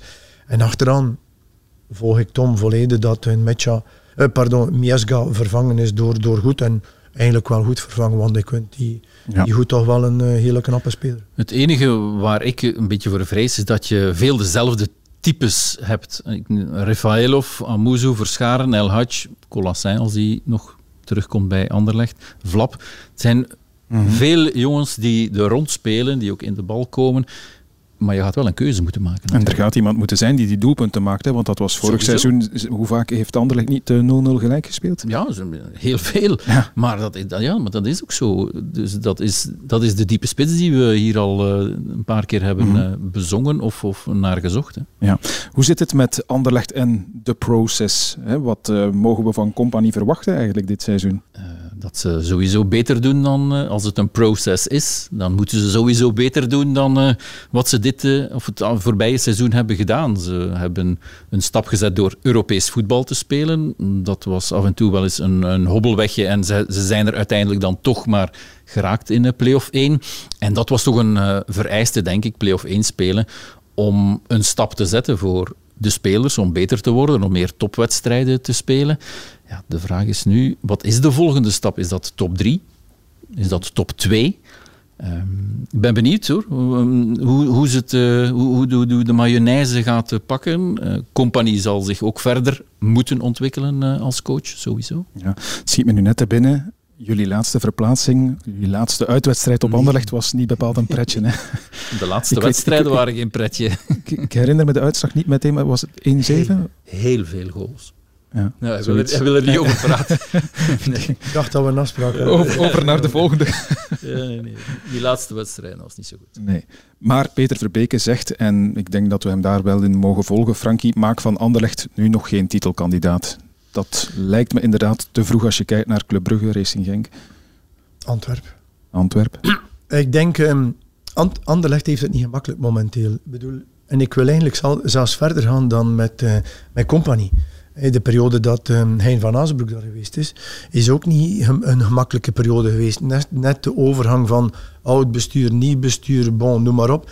En het is de laatste twee jaar al een beetje van dat geweest. ik, ik ben niet van Anderlecht, ik, ik, ik zit niet in die, in die structuur, mhm. maar ik lees soms kapitaalsverhoging, dit, schulden, daar, noem maar op. Die is er nog, altijd, niet, nog altijd niet getekend. Hè? Dit, is, dit is moeilijk. Ik bedoel, als je als coach moet functioneren en dan, dan jonge spelers kansen geven, ik vind daar alle credits ook naar compagnie. Hij heeft vertrokken vanuit een systeem het heeft wat punten gekost en Vincent weet dat ook heel goed. Dat dat, uh, dat, dat, dat uitverdelen, wat dat, wat dat soms ballen werden verloren in de opbouw, dat, uh, dat kost punten. Maar tenminste heeft hij um, binnenin gezorgd voor duidelijkheid. Hij heeft geprobeerd van, kijk goed, we gaan hier een voetbalfilosofie, de project, en noem maar op, we gaan die aanhouden in, um, in welke tijden dan ook. En dat is ook belangrijk. Want als je dit vervangt door weer getwijfel, andere coach, et cetera, et cetera, die niet zal kunnen functioneren in die moeilijke eh, periode, omgeving, overgangsperiode, noem maar op, ja, dan heb je, dan heb je het, uh, dan, dan zult je naar de toekomst moeten, moeten passen. Ja, een stabiel seizoen, dat is wat Anderlecht wel echt nodig heeft. Is, hè? Ook naast het veld, Tom. Ja, en wat ik net zeggen, eh, de kapitaalsverhoging is nog altijd niet getekend. Dat mhm. moest ondertussen al een paar maanden geleden moest dat getekend zijn. Dus dat blijft duren. Ehm, en ja, we zullen het straks misschien nog over standaard hebben. Daar weten ze nu ook hoe het voelt om geen geld te hebben en om met 1 euro toch de markt op te gaan en dan spelers te huren. Ja, dat is ook een probleem als je dat blijft doen. Dat heeft Zulte Waregem eh, ook eh, ervaren. Dus stabiliteit inderdaad. En het is zoals eh, Frankie zegt, als Compagnie vorig seizoen geen trainer is, ja, dan weet ik niet waar Anderlecht eindigt. Want ja, alles werd vergoelijkt door de aanwezigheid van Compagnie. Dat was de allerlaatste reddingsboei. Ja, je kan Compagnie niet vervangen, want hij blokkeert alles. Hij is de goede man, de, de heilige Sint bij de, bij de supporters. Hij, hij laat spelers komen omdat hij Vincent Compagnie is, omdat hij de connecties heeft. Dus als je hem vervangt, ja, dan, dan is het gedaan. Dan, dan is de laatste reddingsboei gooi je dan weg en je zit nog met vijf man op het schip. Oké. Er zijn, nog een, er zijn zeer sterke ehm, eh, momenten. Ik heb, ik heb ooit een beeld die mij bijbleef op, eh, op, op Henk, mhm. waar dat, uh, de coach, compagnie, naar de supporters gaat en zegt, kijk goed, het is uh, bij manier van spreken mijn fout. Ja, dan ga je toch wel ergens naar die groep toe gaan zeggen, jongens, kijk goed, voilà, we zijn op de goede weg. Mijn project, ik ga er 100% voor ja, naar vertrouwen toe in je coach, naar vertrouwen toe in manier van werken. Ja, dat is toch wel een statement. Hè. Dat kun je niet, dat kun je niet ontkennen. Ja, absoluut. Goed, we leggen het hoofdstuk Anderlecht neer. We gaan door met een aantal uh, andere ploegen. Het zijn er niet veel meer, maar van wie we toch verwachten dat ze mee zullen doen aan de top. Stond daar, hm, ik zie je al bedenkelijk kijken, Tom. Laten we die misschien nog even voor straks houden. en beginnen bij A Agent, um, club die vorig jaar uitdager wilde zijn van uh, Club Brugge. Maar Ivan de Witte, de voorzitter, wil dat soort uitspraken nu niet meer doen. Wij gaan het, nieuwe jaar in, uh, nieuwe seizoen nu in, zonder dat we enige vorm van ambitie gaan kenbaar maken. Dus uh, je moet er ook niet achter vragen. Uh, wat wilt je nu dit jaar bereiken? Wil de play-off 1, 2, 3, het kan allemaal niet schelen. Ja? We gaan een goed jaar spelen. En we gaan een jaar spelen waarin we deze club een, eh, een, een, een, een elan zullen geven die, die er mag zijn. Ja, Ivan de Witte. Ook een beetje een vreemde uitspraak. Hè? Nu kan het hem niet schelen. Nee, nee, het is waarschijnlijk de legendarische persconferentie eh, tijdens het EK. Ja, vertel eens, legendarisch, waarom? Ja, omdat uh, die persconferentie begon met acht minuten of zo. Iemand heeft het getimed, een collega. Even de pers de mantel uitvegen over het voorbije seizoen. Dus ah, oké. Okay. Uh, du jamais vu, eigenlijk. Ja, Goed. Um, wat doe je met zijn uh, ja, ambitie die hij dus eigenlijk niet uitspreekt? Ja, ik denk dat ze hun lesje wel geleerd hebben na vorig uh, seizoen. En, Al moest hij daar niet opgepakt worden, hè? want het was best wel, wel, nee, best wel oké okay dat, dat, hij klopt. dat durfde uit te spreken. En ja, pas op, uh, ze hadden ook een goed seizoen. Ze waren tweede geëindigd um, bij de stilgelegde competitie. Dus ze hebben wat transfers gedaan. Dus je kan gerust zeggen van laten we Brugge even kietelen. En gelukkig maar, zoals Antwerpen nu doet, uh, is er, of zijn er ploegen die de handschoen opnemen en de uitdaging willen aangaan tegen Club Brugge. Dus uh, dat was zeker niet de fout om dat te zeggen. Maar ja, wat er daarna allemaal is gebeurd, ja, dat zijn toch een paar romannetjes, denk ik. Die ja, als je over stabiel een stabiel seizoen spreekt, dan kan Gent dat ook wel gebruiken nu. Hè. Er zijn weer heel veel verschuivingen geweest ja. hè, binnen de club. Ja, maar dat is uh, traditioneel bij AA Gent natuurlijk. Je weet dat ik zo'n uh, legendarisch zelfgeschreven uh, blaadjes heb met de transfers in en uit. Ja, voor AA Gent heb ik toch meestal twee of drie blaadjes nodig. Ja. Dus het is, ja, in corona ga je langs één deur binnen en moet je langs de andere deur buiten. Ja, dat is het bureau van Michel Louagie natuurlijk wel een beetje. Als je ziet dat, bijvoorbeeld om maar één naam te noemen, die Franco Andrijasevic, die ooit gehaald is als ja, de Messi van Kroatië, bij wijze van spreken. Mm. Ja, die heeft er één jaar gespeeld en voor de rest was het altijd maar uitlenen en uitlenen. Die is nu eindelijk definitief verkocht. Ja. Wel, zo heeft AA Gent, godverdikke, 15 spelers of zo, bij wijze van spreken. Er lopen inderdaad weer wat nieuwe mannen rond uh, in de Gelamco Arena. Frankie, uh, een speler van jou is er naartoe getrokken, Gianni Bruno. Is dat een uh, echte goede spits voor het voetbal ook dat Hein van Hazenbroek brengt? Ik heb met Gianni twee jaar gewerkt. Ik ken hem nog van als jonge gast van, van bij Rijssel. Het is een hele polyvalente aanvaller. Laat ons daarover duidelijk zijn. Hij kan spelen in een 3-5-2 als, als tweede of eerste spits. Hij kan spelen in een 4-3-3 op de flank. Hij kan spelen uh, als tweede aanvaller naar na, na een diepe spits. Ik denk wel dat hij de mogelijkheden heeft om in, om in Agen te spelen. Alleen um, weet ik niet of dat iedereen kan omgaan. En ik spreek niet alleen over Bruno dan binnen, binnen de zware concurrentie. Want ik verwacht nog wel dat, um, dat de spits zal vertrekken, Jaremchuk. Ik verwacht ja. nog wel dat hij zal vertrekken. Dus ik verwacht ook wel dat er daar nog iemand zal bijkomen. En als ik dan die ploeg vandaag bekijk, dan is dat een ploeg met, uh, ja, met geweldig veel middelen, mogelijkheden. En ik heb ook een jaar op agent gewerkt met, uh, met de voorzitter De Wit en met Michel Louagie. Als er nu twee mensen zijn waarvan ik 100% zeker ben dat ze 100% ambitie hebben, dan zijn het ook wel die twee. Dus uh, het verrast mij dat, uh, dat de voorzitter zegt, ik ga mij niet uitspreken over play-off 1 en play-off 2. Dat, dat begreep ik. Maar play-off 3, je moet er zelfs niet aan denken, die nee, gaan nee, dat nee, nooit spelen. Dus die gaan, uh, die gaan in aanmerking komen weer voor, voor het hoogste. Maar ze moeten wat rustig blijven als deze wat minder loopt.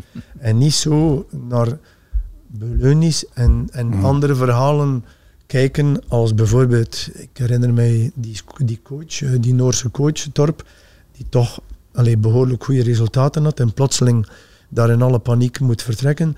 Ik denk, um, rust is ook een kwaliteit van goed management. Ja. Sowieso, sowieso. Ja. Ja, Want ja. Torp lag goed bij de spelers, lag goed Mhm. bij de supporters. Ja, dat verhaal moeten we misschien niet meer opnieuw doen. we weten hoe het gegaan is, maar ze zullen er wel een lessen uit trekken in Gent, denk ik dan. Laten we nog eens naar de spelers kijken, want uh, er is Bruno bijgekomen, maar een andere man die jij ook kent, uh, Frankie, Jules Sager. Goeie voetballer, hè? Ja, maar ik zie daar Jules Sager, ja. ik zie Bezus, ik zie De Saar, ik zie Kums, ik zie Odidja. En ik zie dan nog op zes wel Woezu. En uh, misschien nog, ik weet niet, Dors is weg? Dors is weg, Dors ja. is weg. Goed, er zijn zeven mannen voor drie, mm -hmm. maximum vier posities. Dus er zal daar gebekkeld worden. En, en dat is nu hetgene dat ik wil zien. zijn veel van dezelfde spelers. Ja. Ik zou niet kunnen zeggen, in alle eerlijkheid, wie van de die zeven niet zou spelen. Het zijn alle zeven heel goede spelers. Dus dat wordt niet gemakkelijk. Nee. Het zijn inderdaad, Tom, anderzijds wel weer spelers zoals De Saar, zoals um, Jules Sager, Bruno dus ook. Spelers die de Belgische competitie goed kennen. Hè? Ja, ik dacht dat je wou zeggen, het zijn weer spelers van Zulte Waregem, Kortrijk en Oostende. en als je veel van die spelers koopt, dan word je uiteindelijk Zulte Waregem, Oostende. Uh, nee, nee, dat ging ik niet zeggen.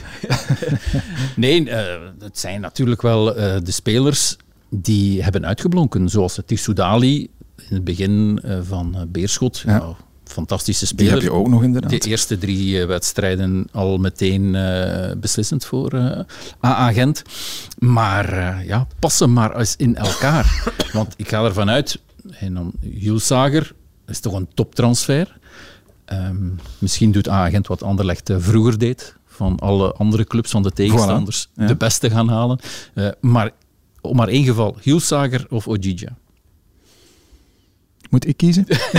ja, maar ja, ja, ja. Ja, als... goh, ja, Ochija is de kapitein, dus die gaat spelen, denk ik dan. Ja, maar als uh, Sager, als je die vorig jaar ziet spelen, ja, als zeer goed. af en toe de goal, maar vooral de drive, het tempo, dat heeft Ochija niet meer. Mm. En het probleem is dat Ochija graag gezien wordt door een van de twee bovenaan. Ja, ik weet door wie van de twee. dus het ligt allemaal zo gevoelig. Ja. De teentjes zullen lang zijn, hoor. Mm -hmm. Als de voorzitter het niet uitspreekt, doe jij het dan misschien eens? Waar mag agent op mikken? Uh, ze moeten mikken naar play-off 1. Sowieso. Dat is de club aan zijn standing uh, verplicht.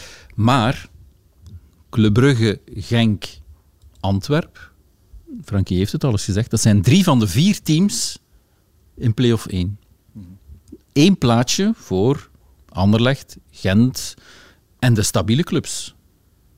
Ja. Dus het wordt niet simpel. Dat wordt wel, en dat vind ik toch wel dan weer in het voordeel pleiten van die play-offs, die strijd er naartoe. Die laatste speeldagen voor hè, de, de, de vier definitief vastliggen. Dat is ook als een titelstrijd. Hè. Zo voelt het ook aan. Hè. Ja, maar ook voor play-off 2, waar Waregem ja. zich nog kwam mengen. Waar Mechelen het toch prima gedaan heeft. Beerschot bleef lang hangen. oud Leuven kwam er nog bij. Dus ja, het, het, was een fantastisch einde van het seizoen, sowieso. Ja.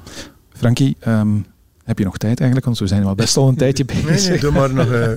Je hebt geen training te plannen nog uh, vanavond? Of, uh, Oké, okay, prima. Dan wil ik het graag met jou nog even over uh, Standaard hebben ook. Want daar is de coach ook alweer een goede bekende van jou, een Bayeleie. Ja, die staat wel voor een moeilijke opdracht hè, dit seizoen.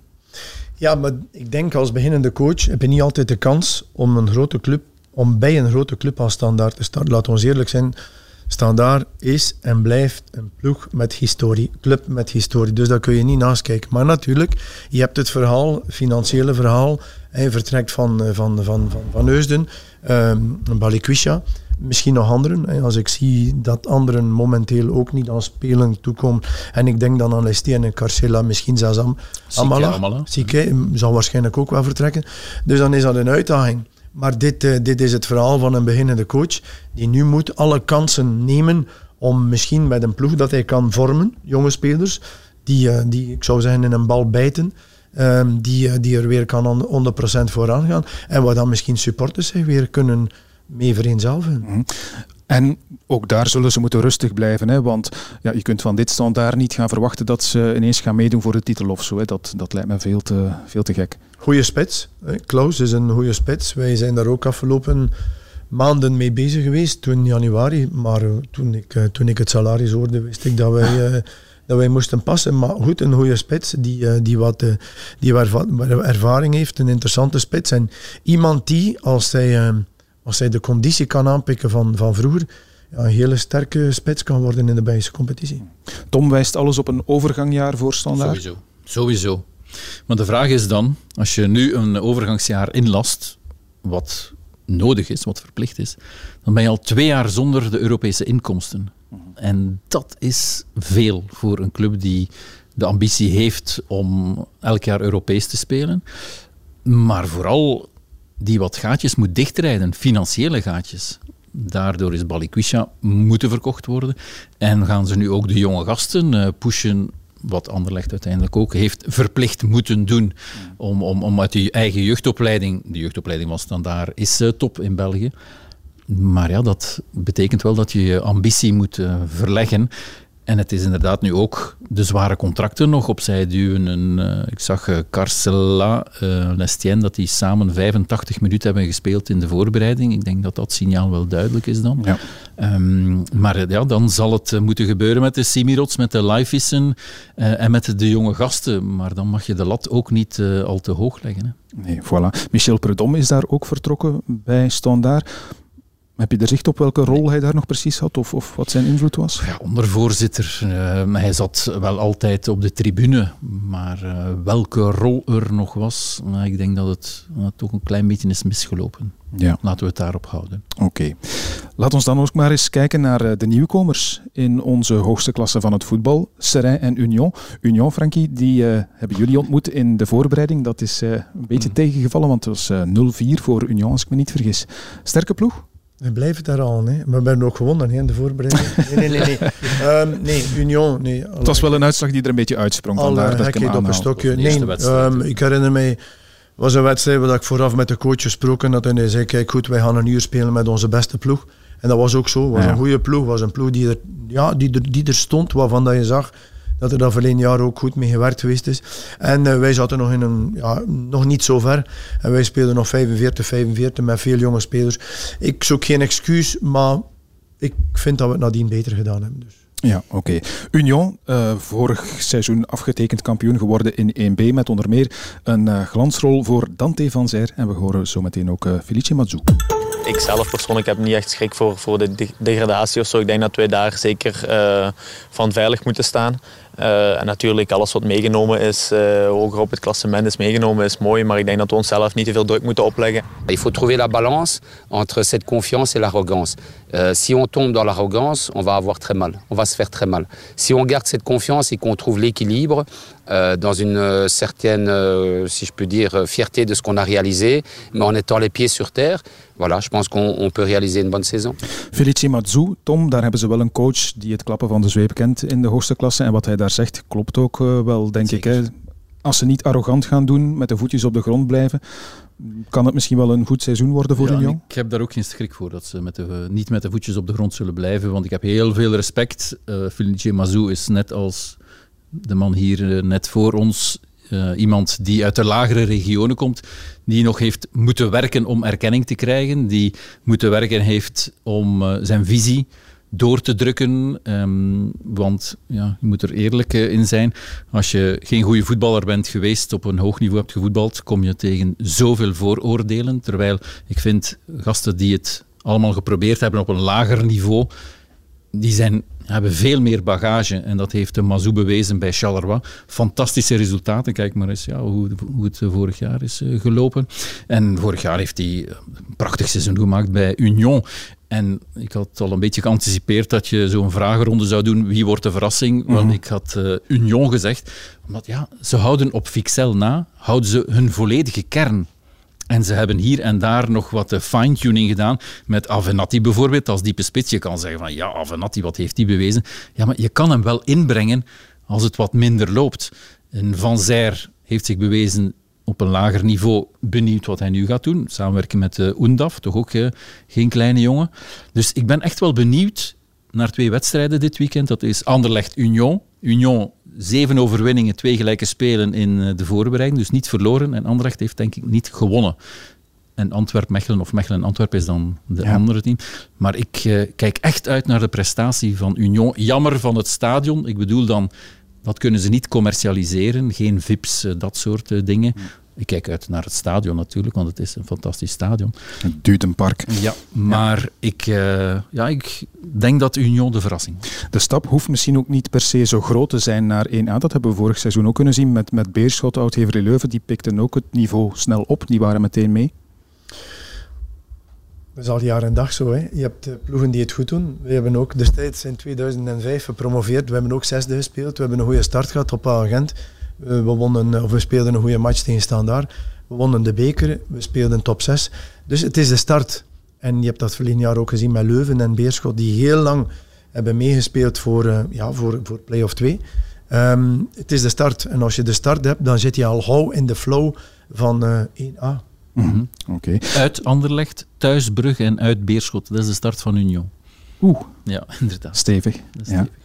Serrain, weet jij daar al iets van, uh, Frankie? Ik eerlijk gezegd uh, weinig. Ik weet dat uh, Emilio Ferreira er niet meer is, dat het nu Jordi Condom is die daar de coach is. Maar voorts kijk ik even naar jullie. Nee, ehm, ik ken niet zo goed de ploeg. Ik ga daar eerlijk over zijn. Dat is een ploeg die heel nauw samenwerkt met Mets. En die daar af en toe wel wat goede spelers kan laten ontwikkelen in functie van het ontwikkelingsprogramma van, van Mets. Maar we zullen wel zien. Ik denk dat het vrij snel duidelijk zal zijn met welke ploeg dat we, dat we ook daar te maken hebben. Maar ze zijn mm. toch behoorlijk vlot voorbij uh, Waasland Beveren gegaan. Ja. Mm klopt. Tom, jij haalt je papiertje boven uh, van ja, uh, Ik heb uh, de basisopstelling bekeken dit weekend. hebben ze tegen Metz gespeeld. Bernier kende ik. Ehm, een aantal van tweede klasse nog. Maar nu hebben ze ook Youssef Mazis gehaald. Dat is de vijfde van de Metz die ze mogen gebruiken. Dus ik vrees een beetje dat ervaring en ja, de specifieke eisen toch van ons 1A-voetbal ja, dat dat toch wel een probleempje gaat worden. Okay. Hij was verleden jaar ook een beetje, hè. Moskroen, Rijssel. Dit zijn allemaal ja. goede spelers, dat Rijssel... Cerkelen. Laat spelen, cerkelen, laat spelen, maar het is de kwestie van ontwikkeling. Het is de kwestie van, kan ik mij hier ja, aan, aanpassen, kan ik, eh, kan ik mij hier ontwikkelen? En dan zie je dat bijvoorbeeld in het verhaal van Muskroen, dan zie je die goede spelers zich minder comfortabel voelen. Maar vorig jaar hebben we dat ook gezegd van Serrain in 1B. En kijk, ze zijn tweede geworden en ze gaan naar uh, eh, 1A. Voilà. Ze zitten nu in 1A, inderdaad. Um, we gaan stilaan naar het einde afronden met ja, wat misschien gevaarlijk is. Hè. Een ploeg uh, de stempel opkleven van degradatiekandidaat. Durf jij dat nu al te doen? Want het is vaak moeilijk in te schatten. Hè? Of komen we dan toch weer uit, traditioneel, Cercle Brugge, Eupen, Eupen ja, vrees ik toch een beetje voor, omdat de geldkraan daar toch wat is dichtgedraaid. Je hebt nog wel de steunpilaren uh, Petersen, Preveljak en Gooi. Maar daarnaast is het heel weinig. Hebben, ja, Moussona is ook weg, er zijn er een aantal weg, maar er zijn er uh, ja, nog geen bijgekomen. Hetzelfde verhaal bij Cerkelen, daar heb je natuurlijk wel de werkersmentaliteit van uh, Van der Hagen Buffel, die nog wel wat zullen duwen. En chapeau voor hen, de jonge gasten gebracht vorig jaar. Um, waar niemand uh, van gehoord had, behalve de mensen die de beloftecompetitie hebben gevolgd. Die hebben het toch ook uh, fijn gedaan. Maar ja, Serijn dus. Sint-Truiden gaan die aan elf man geraken uh, voor een eerste speeldag? Goeie vraag. Want daar is nog niets bijgekomen. Suzuki wil weg. Uh, is nog altijd niet weg, heeft nog niet gespeeld. Uh, plus ja, ik, heb, uh, ik las ook van Hollerbach is daar trainer. En die is er nogal stevig aan het invliegen. Gedaan met het geven van privileges. Wie conditioneel niet kan volgen, die heeft hier niets te zoeken. Nu ken ik ook een beetje iets van trainingsleer. En als je dan twee keer zwaar gaat trainen, dan twee oefenwedstrijden na elkaar met deze beperkte kern ja, als je daar dan uh, de mannen al, de Ridder, Bruls, Mboyo, Teixeira, dat zijn dan de ouderen, al heeft de Ridder mhm. natuurlijk wel zijn fysiek mee, maar de anderen, ja, dan weet ik niet of uh, dat een lang leven is uh, beschoren, Frankie, want uh, er zo stevig invliegen met die mannen en je hebt toch een kern van 12, 13 man, dus daar vrees ik toch een beetje voor. Het is misschien moeilijk voor jou om er over uit te spreken, denk ik, Frankie. Ik vind dat heel moeilijk, omdat... Um Weet je, wij stonden verleden jaar na tien matchen op de zeventiende plaats. En ik kan je garanderen, dat is crisis. Hè. Mhm. Dat is crisis. Dat is uh, nog meer stress dan anders. Dat is echt miserie. Dan, um, dan is het gras te lang. Dan zijn de, de doelpallen niet, uh, niet goed. Dan is, uh, dan is er geklaag overal. Um, ik, ik wens dat niemand toe. Dus ik zou zeggen, ik ga mij focussen op het positieve. ik ga mij focussen op Zoute Waregem.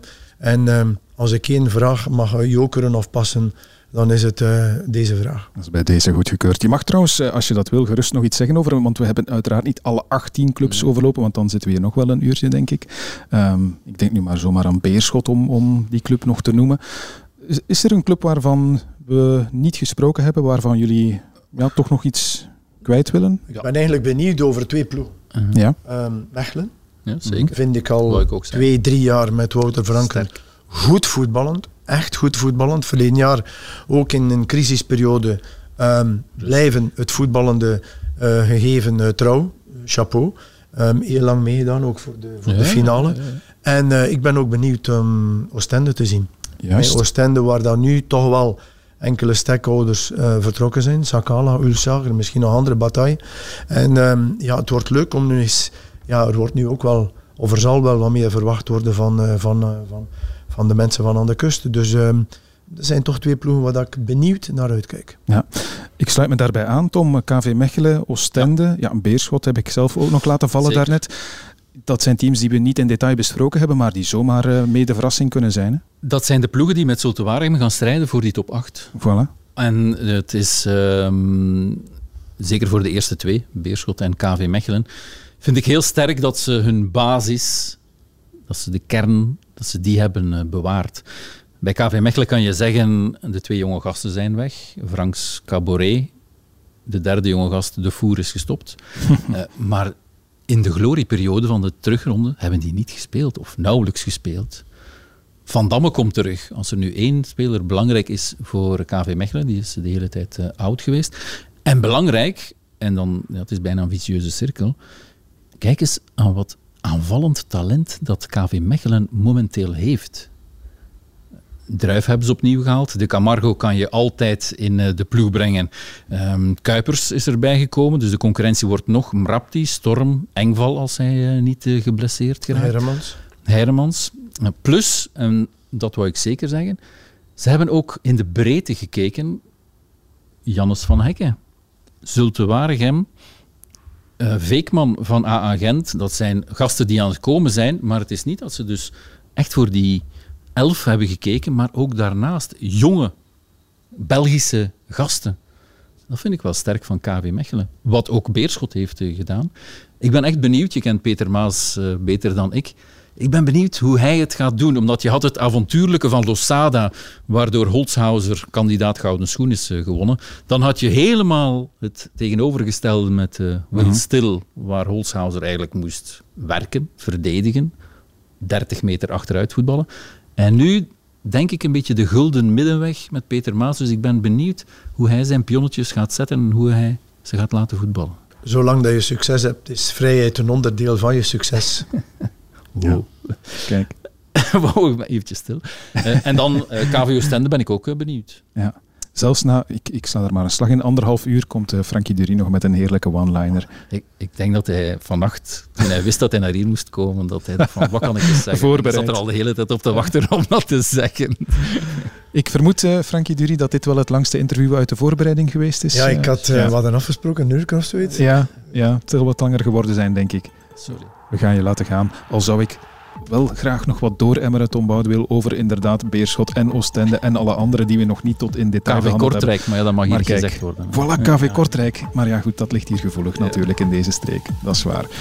Niet meer zo erg, we hebben verleden jaar gewonnen. Dus ah.